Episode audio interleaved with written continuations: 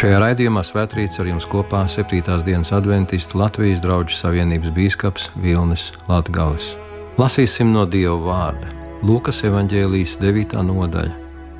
Un viņš, Jēzus, sacīja uz visiem: Ja kāds grib man sekot, tad tāds lai aizliedz sevi.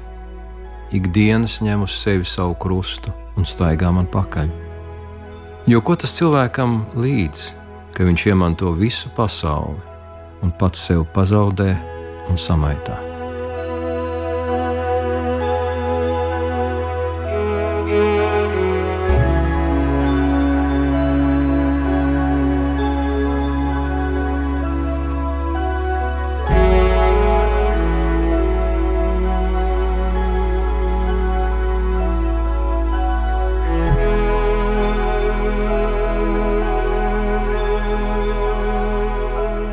Lukas evanģēlīja 9. nodaļā ir sacīts, ka Jēzus uzrunāja daudz cilvēku ar šiem vārdiem.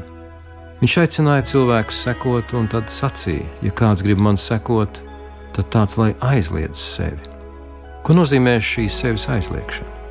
Tas ir tas, ko mēs vēlamies vismazāk.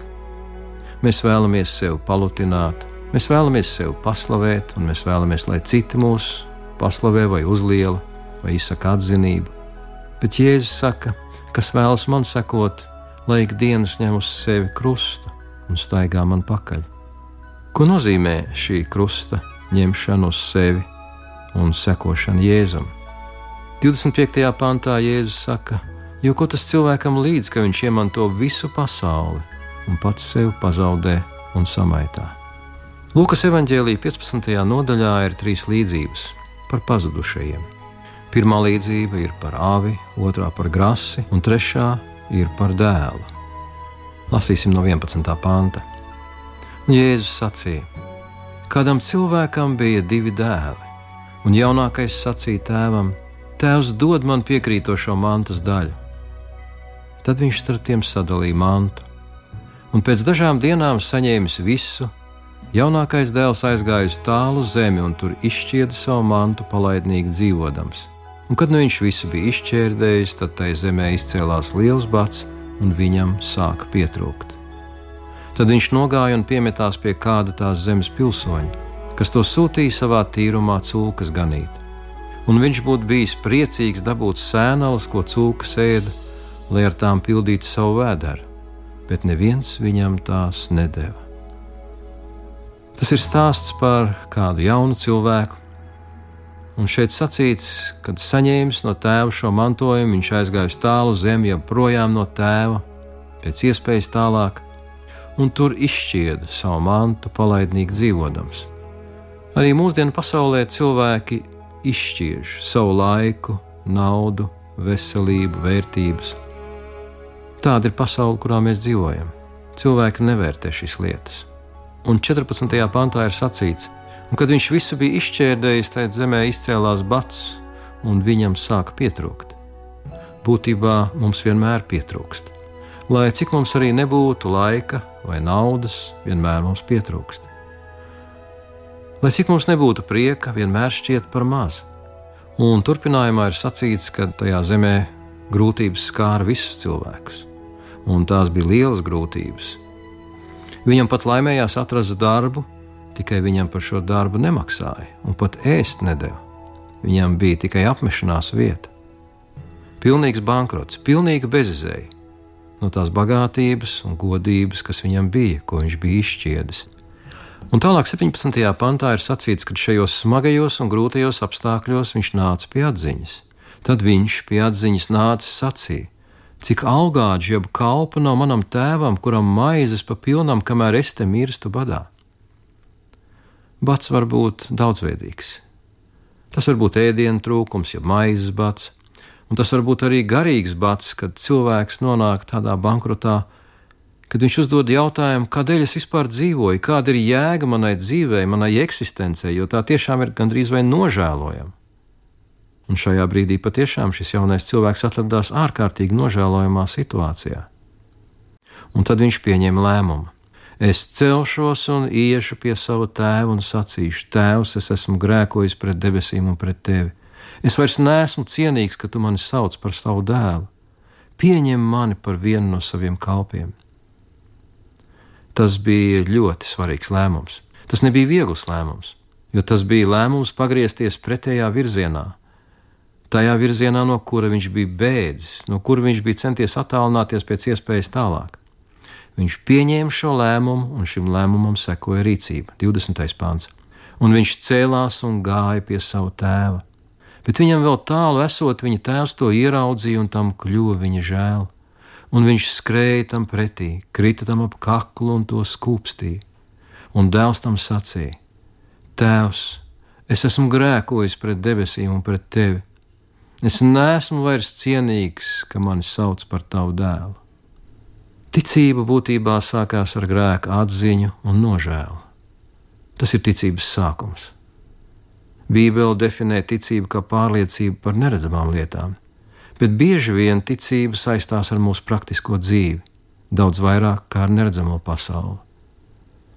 Un tad tēvs pavēlēja saviem kalpiem šajā līdzībā: atnesiet ātri vislabākās drēbes un apģērbiet to, vilciet viņam pirkstā gredzenu un kurpes kājās, un atnesiet baroto teļu un nokaujiet to, lai ēdam un līksmojamies, jo šis mans dēls bija miris, un nu atkal ir dzīvs.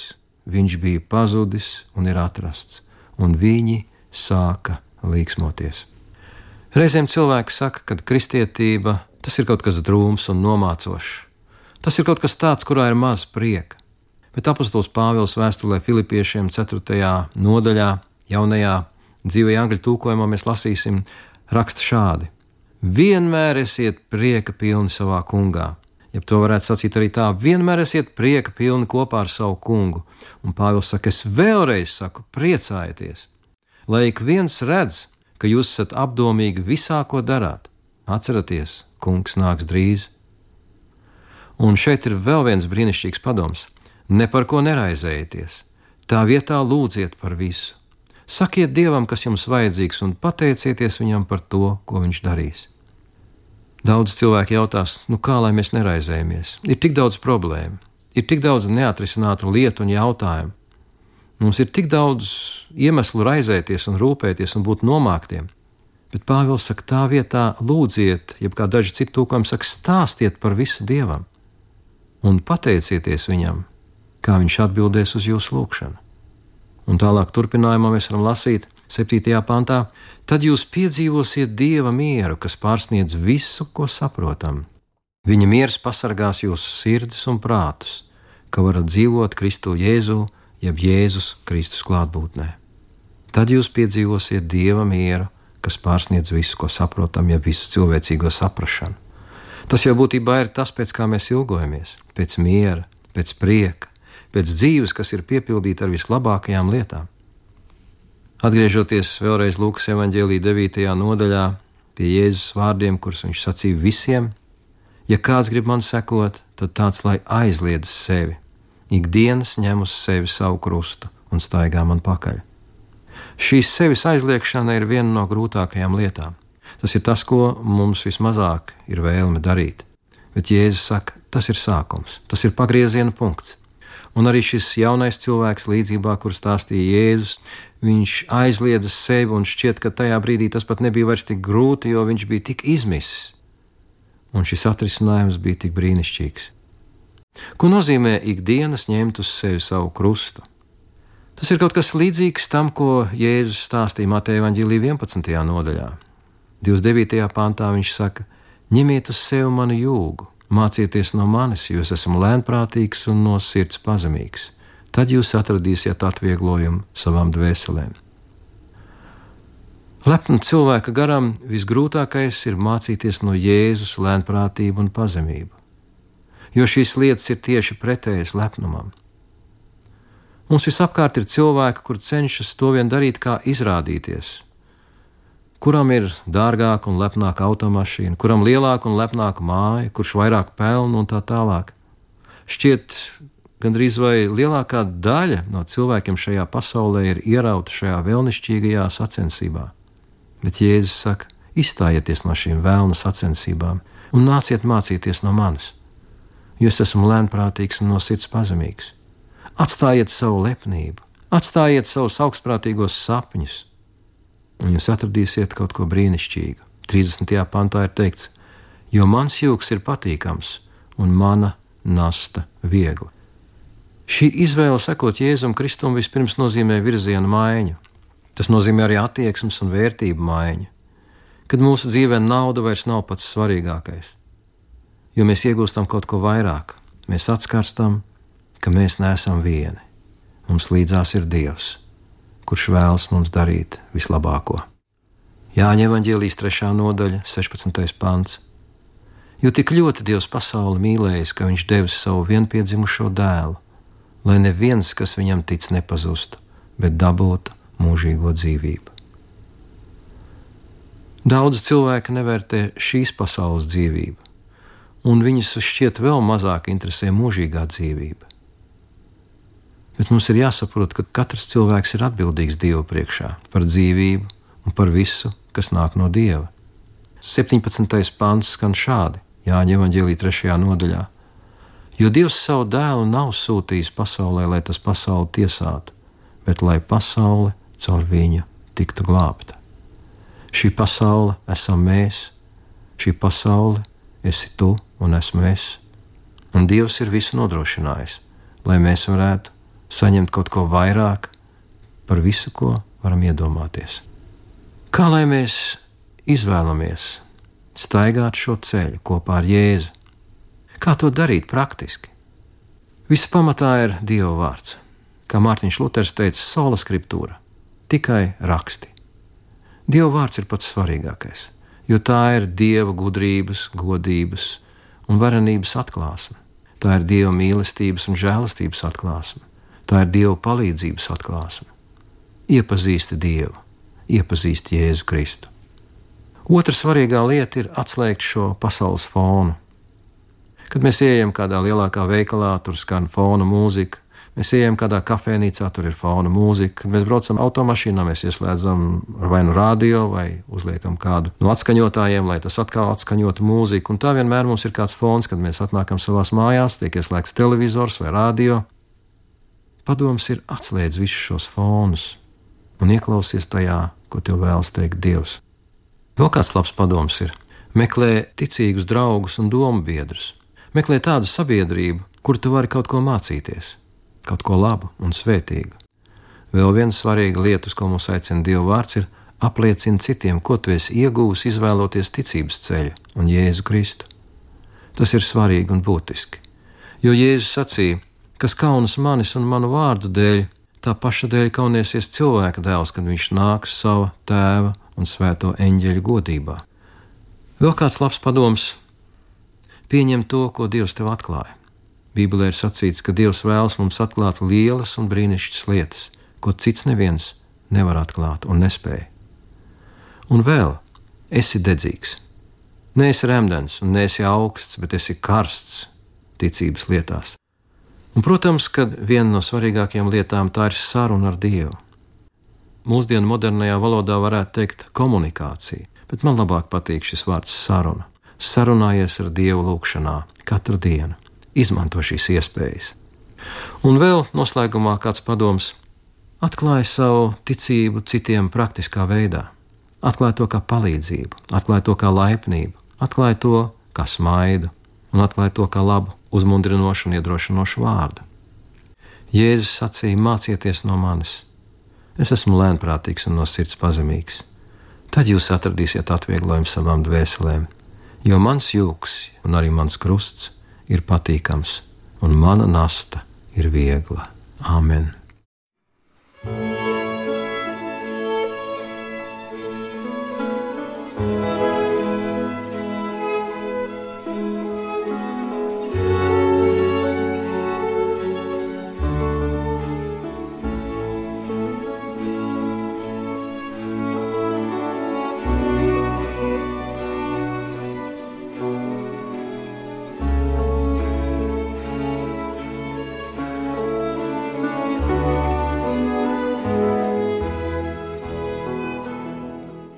Mūsu debes Tēvs, mēs pateicamies, ka Jēzus Kristus ir izteicis šo aicinājumu mācieties no manis, jo es esmu lēnprātīgs un no sirds pazemīgs. Pasaulē, kur valda lepnība, augstprātība, dižošanās un izcelšanās, tik svarīgi ir mācīties no Jēzus, jo tas patiešām izmaina mūsu pašus un pasauli mums apkārt. Jo vairāk ir cilvēku, kuri uzticas un seko Jēzum, kur mācās no viņa, jo šī pasaule kļūst savādāka. Šī pasaule kļūst skaistāka, tīrāka, godīgāka un patīkamāka. Mēs varētu teikt, mīlošāka, mīlot Dievu un mīlot savu tuvāko. Un tas jau ir tas piepildījums šajā dzīvē, bet mums ir jāatcerās, ka Dievs mums ir apsolījis kaut ko daudz vairāk - nākamos mūžības laikmetus, kurus mēs, protams, šobrīd nespējam ne aptvert, ne izprast, bet mums ir jāuzticas, ka Viņš to ir solījis un ka Viņš to arī izpildīs, ja mēs mācīsimies no Viņa un sekosim Viņam. Lai Dievs mūs svētī šajā ticības ceļā un ticības piedzīvojumos, un lai mūsu ticība ir gaiša un svētīga, un lai tā dod gaismu arī citiem. To mēs lūdzam un pateicamies Kunga Jēzus Kristus vārdā. Āmen!